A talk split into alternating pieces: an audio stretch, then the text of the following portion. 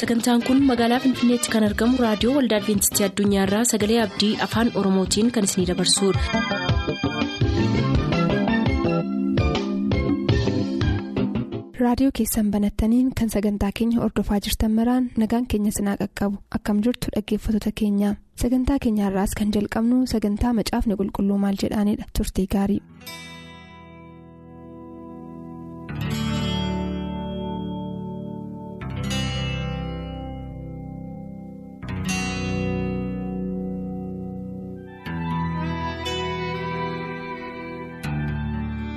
Harka fuunee kabajamoof jaallatamoo dhaggeeffatoota keenyaa akkam jirtu kun sagantaa kitaabni qulqulluun maal jedha jedhudha sagantaan keenya har'aa gaaffii laggasee abaateetiin eegaluuf deema isa dura garuu waaqayyo hafuura isaatiin dubbii kana akka nuuf ibsuuf waaqayyoon kadhannaa waliin tura. gooftaa jaalalaa ati guddaadhaaf dinqisiifatamaa kan taate. Dubbii kee akka barannuuf waan nuuf fayyamteef ulfinni maqaa keetiif haa ta'u. Ammallee gaa dhaggeeffatoonni keenya bakka isaan jiranitti ayyaana kee isaaniif baay'isi. Dhoksaa kitaaba qulqulluu kanaa yommuu qorannu hafuurri kee isaaniif haa ibsu. Nuunis nutti fayyadame. Maqaa yesuusiin. Ameen. dhaggeeffataan keenya laggasee abaateeti. Laaloo qilee bosoo kuyyuu bakka jedhamurraatti kan inni nuuf bilbile. Laggasee abaatee maal nu gaafata bosoo kuyyuu laaloo qilee irraa jechuudha. Gaaffii lamaan tokko nu gaafateera. Inni jalqabaa yeroo ammaa kana namoonni dursitoota amantii isaaniitti sagaduu eegalaniiru. Kana kitaabni qulqulluun maal jedhaadha. Inni lammataa immoo gaaffiinsaa Maatiyoos 27 irratti Yihuudaan of gaagure jedha. Hojii ergamootaa keessatti immoo ofiin kufee du'e jedha. Akkamitti walitti finnaadha gaaffiin akkasa jalqabati gaaffilee kana keessaa tokko deebisteeti gaaffilee wal bira qabuudhaanidha. Mee gara isa jalqabaatti yoo deebine namoonni dursitoota amantii isaanii orgaggeessitoota amantii isaaniitti sagadaa jiru. Kana kitaabni qulqulluun maal jedhaadha gorsa maalii laattaafati? An akka dhaamsaatti luqqifannoo macaafa qulqulluu keessaa Maatiyoos boqonnaa 23 lakkoofsaa 14 kennaaf utuu nu dubbiste natti tola iddoo kana. Har'a namoonni baay'een naannoo keenyattis haala garaagaraatiin argaa jirru. Isaan malee barsiisaan hin jiru. Kan kadhatu isaan malee namni kadhatu hin jiru. Tajaajila kan iddoo hundumaatti geggeessu isaan malee hin jiru. Hamma isaan dhaqanitti qofaa isaanii waan tajaajilanii hamma isaan dhaqanitti gubaa'een hin taa'a. Namni jalaa ka'ee wal gargaaree harka wal qabatee obbolummaadhaan tajaajilu hin jiru. Yeroo itti waldaan tokko nama tokko irratti hundoofte bara akkasii keessa jirra. Kana. Waan madaalee natti fakkaata dhaggeeffataan keenya. Waanuma fedheefuu Maatiyoos boqonnaa 23 lakkoofsa 14 dursiinuu dubbisa irratti mari'anna. Tole galatoomii lakkoofsa 14 irraa yoon kaasee akkas jedha. Barsiisota seeraa fi fariisota of hin argine nana isin fucha eeggattanii bultoo haadha hiyyeessaa duraa fixxanii fakkeessuudhaaf immoo kadhata keessan waan dheeressitaniif isiniif wayyoo kanaafis. Yakki caalmaan isinitti muramaa. Ittaansees yaadonni waa'ee kanaa wal qabatan jiru garuu ati yaada keetti fufama. Baay'ee galatoomi ani jalqabbiidhaafan sii kaase girmaa'e dhaggeeffataan keenya itti fufanii dubbisuu danda'u.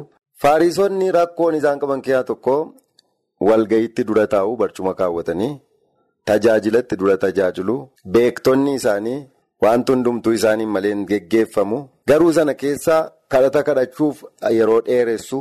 Madaalliin kadhataa baay'ina yeroo irratti miidhagina jechaa irratti hundaa'a. Fariisonni kun baay'ina beekuma isaaniitiin hundaa'a. Haalli isaan ittiin madaalanii garuu kiisii haadha hiyyeessaa baay'ee saaman. Har'a gola haadha meeqaa meeqatu saamameera. Ana kan sii kadhatu jechuudhaan mandara kee deeme. Ana kan siif himuraajii. Ana kan siif beeku. Yoon si eebbisee ati eebbifamta jechuudhaan maaddiin golli haadha hiyyeessaa meeqadha. Kan saamamaa jiru qooda eebbifamu. Kuni kiristoos yesus bultoo isaaf ooltoo isaarraati. Namootaaf kan inni kennaa ture. Ooltoo isaaf bultoo isaarraati kan inni namoota dheebuu baasaa ture. Kiristoos nama harkaa nyaachuurra nama nyaachisuu nama dheebuu baasuu irratti filata. Nama gargaaruu irratti filataa ture. Har'a kun hin jiru. Waldaan tokko guutummaan ija nama tokkoo kee ilaaluu. Faana nama tokkoo duukaa bu'uu yaada nama tokkoo fudhachuu. Nama tokko qofaan. Geggeeffamuu irratti yeroo isheen hundoofte bara rakkoo akkasii keessa jirra jechuudha. Kanaaf namni namatti yeroo inni jireenya isaaf lubbuu isaa dabarsee kenne waan namni sun dubbate waan waaqayyo dubbate akka inni fakkaatu. Kanaaf haala yeroo akkasii keessatti waan argeef madaala jechuudha. Kanaaf baay'ina qaranaa keessanii dheeressitu waldaa keessaa fuuldura teessu gabaa keessatti wayyaa gadheeraa uffattu. Maal jechuudha? Waan bakkeetiin mul'atuun ulaagaa barreeffataniiru yihudoon baay'ina uffataa yoo laalte pirootokooliin jiru barbaachisaadha pirootokooliin. Jibbuu miti garuu pirootokooliidhaan baay'ina bareedina jechaatiin dheerina kadhataatiin waaqayyo waan fudhatu tokko hin qabu. Ammas irra deebinee kan dubbannu waaqayyo madaalliin ulaagaa inni ittiin nama madaalu ulaagaa irra keessaa miti. Kanaaf kiristoos ati dursiitii waciitii keessaati isin bifa keessan irra keessaniin miidhagdu keessi keessan garuu awwaala maragamaadha.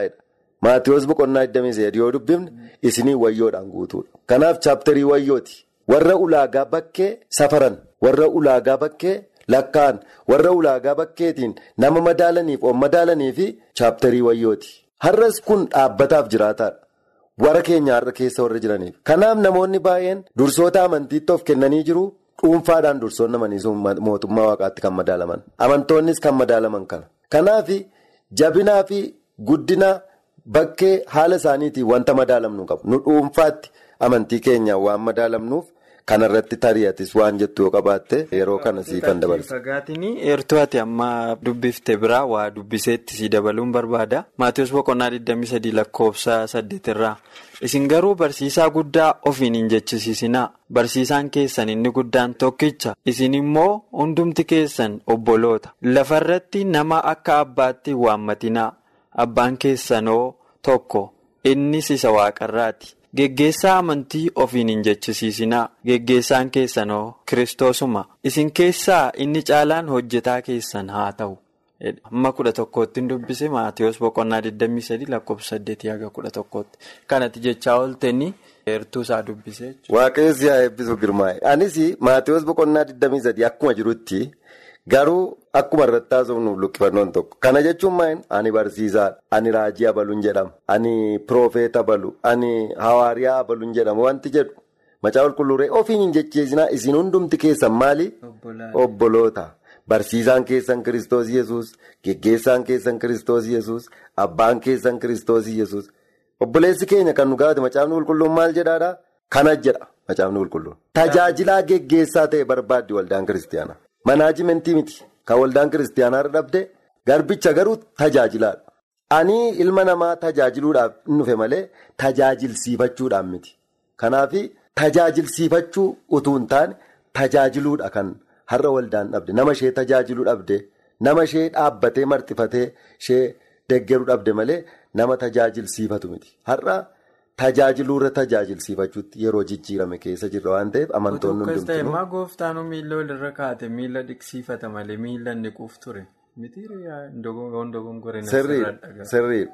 Ani maaliif tolaanaan jettullee yommuu jedhee ta'uu dadhabee miti. Namni akka inni baratuufidha. Namni foon uffatee jiru tokko waan inni yaaduuf akkaataa inni itti namoota kan biraa geggeessuu danda'u sana kenne kaawunsilii sana kenne kiristoos yesus Kanaaf dhaggeeffataan keenyas kana hin hubata jedhee yaada kaleessas akkuma madaale asumaan immoo reediyoo keenya kan dhaggeeffatan dhimma kanarratti baay'ee itti yaadu jedhee yaada. Waaqayyo kan immoo akka nu ibsuun kadhadha. Galatoomi dabala waa'ee kana irratti dhaggeeffataan kunis morma isa ga'ee naan gaafate natti fakkaata. Maatiyoos boqonnaan 23 guutummaan deebii hin ta'a. Hidheen abdadhaa garuu addumaan amma argiteetti yoo ta'e jabana kana warri kaanii bishaan aayilaandii suuqiidhaa bitanii gurguru maqaa waaqayyoo irratti waamanii warri kaan saamunaa bitanii saamunaan kun dhukkuba akkasiitti si fayyisa jedhanii gurguru.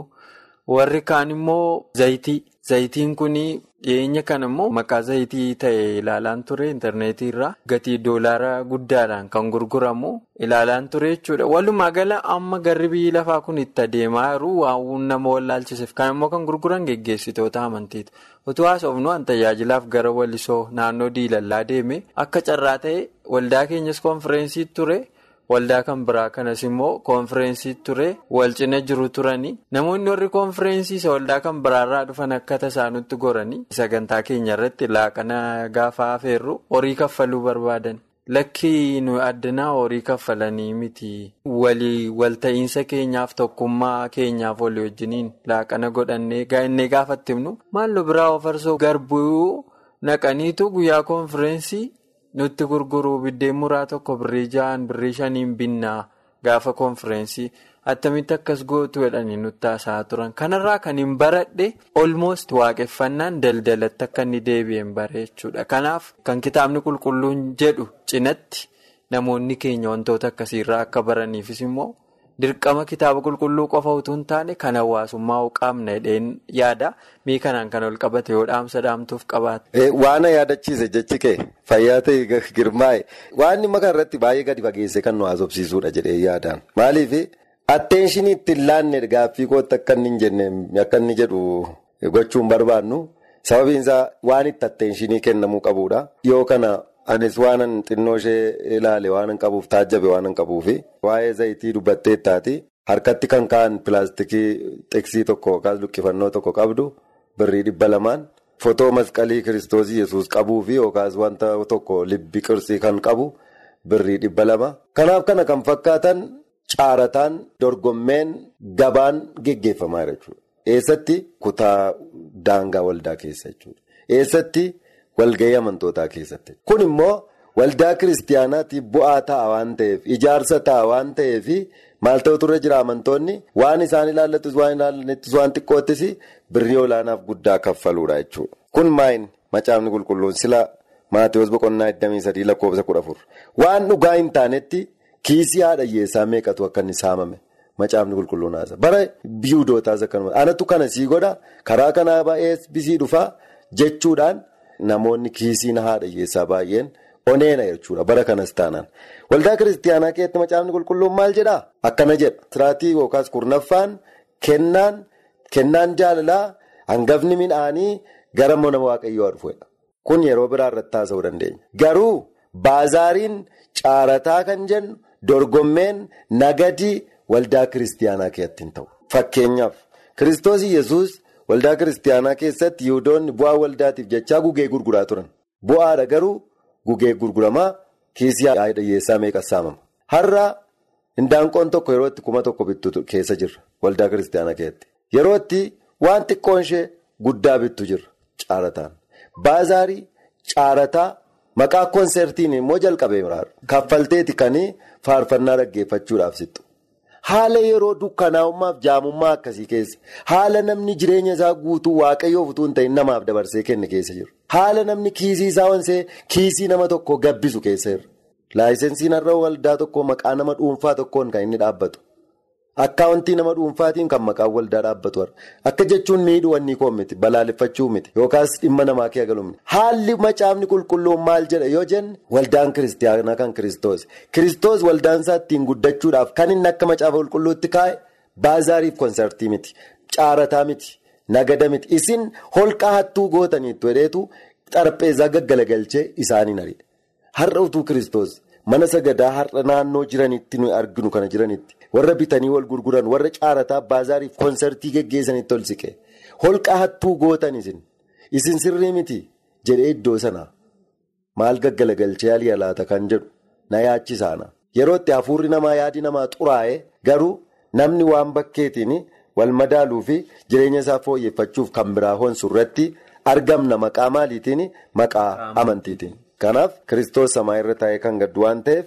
Waldaa dhugaa addunyaa irraa kiristoos geggeeffataa jiru barbaaddachuun barbaachisaadha dheen dhaamsa dabarsa. Galatoomi dabala guyyaa biraa barbaada kuni gadi fagoodha wanti isaa waan ta'eef maal jira? Kitaabni qulqulluun hedheessa obboleessi keenya nu gaafateef saamamaa jirtu karaa dalgaa hedheegamaa kana caalaa waan jennu hin qabnu.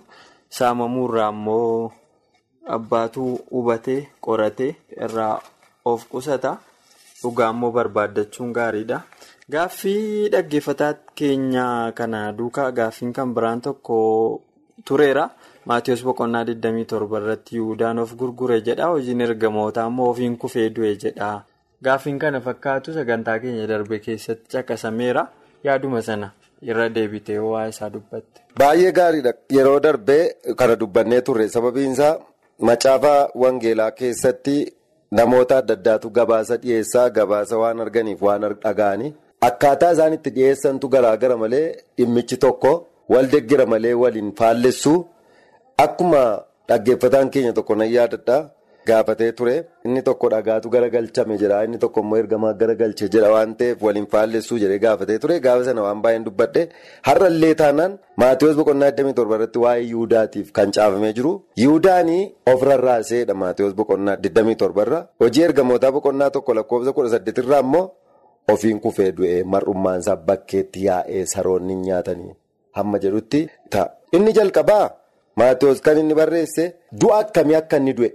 Maal godhee erga isaanii meetii isaaniitti darbatee deemee booddee dhaqee of rarraaseedha. Maatiyoos amma sanatti adeema. Kana booddee waan biraatti darbaa jechuudha. Garuu Lukaas maal jedhaa? Ofiin of rarraasee namni dhugee dhaqee irraan kunne maal hin jennee garuu mataadhaan lafa dha'ee tarsa'ee du'e mar'ummaansaas bakkeetti yaa'e saroonnis hin nyaatanii. Kun maa inni rarra'uu isaa booddee attamitti akka inni du'e akka dhiigisaa dhangala'e. Xumurri isaa maal akka ta'e kan ibsudha. Kan Maatiyoos attamitti maal godhee of ajjeese? Du'a attamitti kan dhaqee attamittiin of ajjeese kan jedhu kan himu yommuu ta'u, erga of ajjeese booddee xumurri isaa maal ta'e kan jedhu immoo hojii ergamootaa keessatti Luqaas barreesse jechuudha. Kanaaf waan baay'ee dubbannu utuu hin taane kanaan duras anaafatti fakkeenya haasa'een jira. Hojii tokko hojjennee yoo gabaasa dhiyeessaa jedhame waa'ee hojii tokko hojjenne san gabaasa sana bifa adda addaatiin ibsina wal deggera malee. Waliin diiguu waan jedhudha. Galatoomii dabalaa kan yeroo darbee sirratti haasofnee irraa naareetiif point of view warri litireecharii immoo warri kallattii namichi dubbatu sun yookiin waa'ee wanta sanaa dubbatu suni xiyyeeffannoon irratti kenne waa'ee maalii irratti xiyyeeffannoo kenne akka inni dubbate wantoonni akkas akkasii jiru garuu sanas ta'u kanas ijoon achi keessa jiru yihudaanii. Gooftaa yesuusiin horii ittiin gurgure sanatti fayyadamaa hin taane ofii of ajjeese jedha. Lamaan waa'ee du'uu Yihudaa irratti xiyyeeffatanii kufee du'e ofiin du'e kan jedhuufis immoo dhuguma namni kutee hin buusne nama kutee buuses hin jedhu machii machirraa kufee du'e lafa dha'eedha waan ta'eef tarsa'ee du'eedha.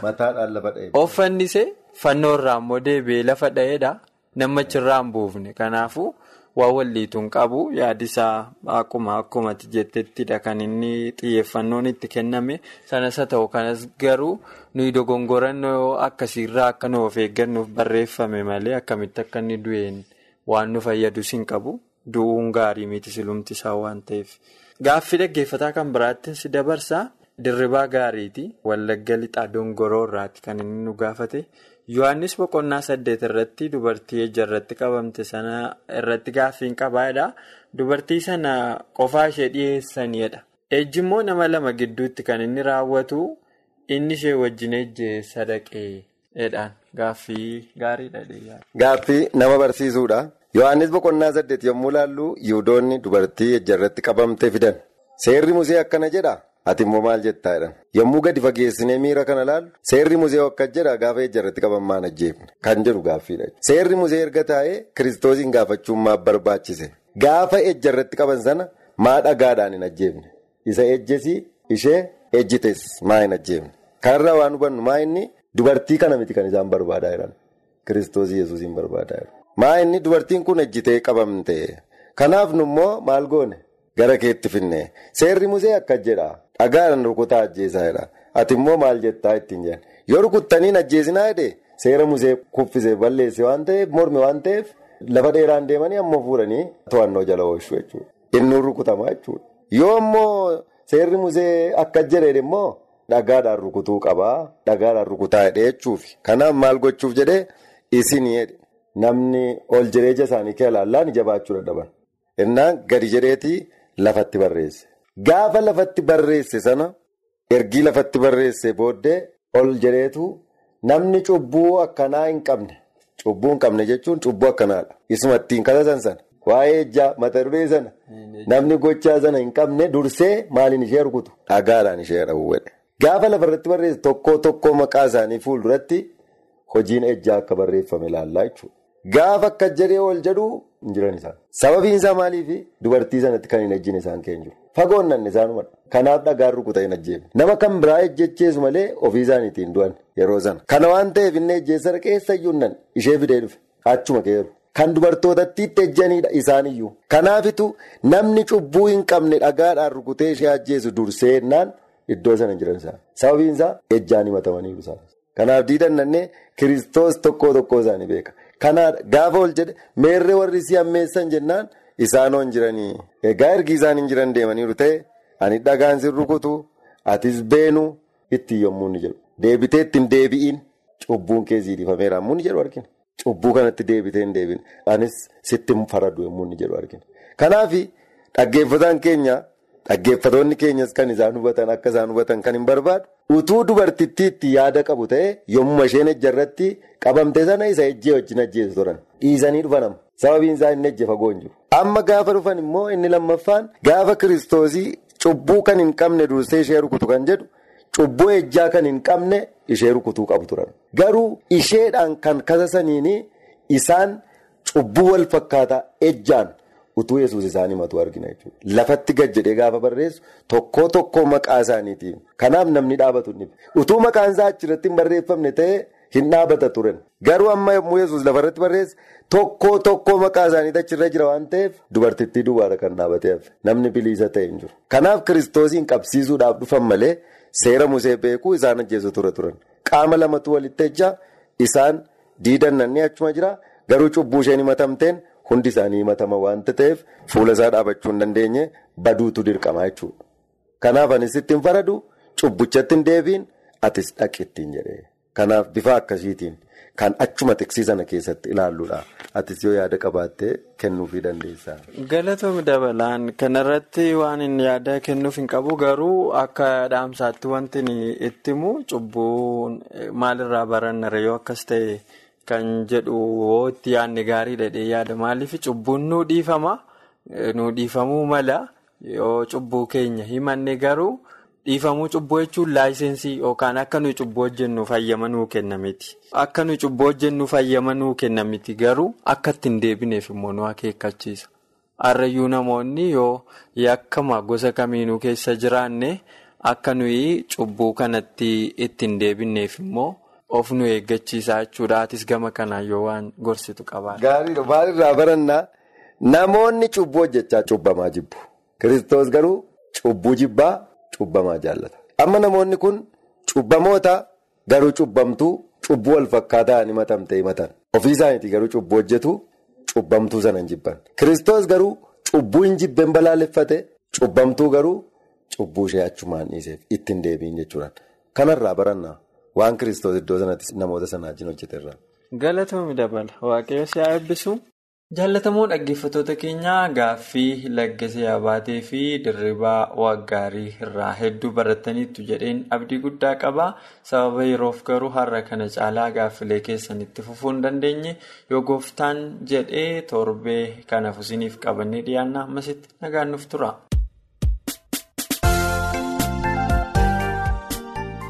sagantaa keenyatti akka eebbifamtan abdachaa kanarraaf jenne asumaan xumur sagantaa keenya irratti yaaduu qabaattan karaa teessoo keenyaa raadiyoo olda adventistii addunyaa lakkoofsaanduqa poostaa 455 finfinnee jedhaanuf barreessa raadiyoo olda adventistii addunyaa lakkoofsaanduqa poostaa 455 finfinnee.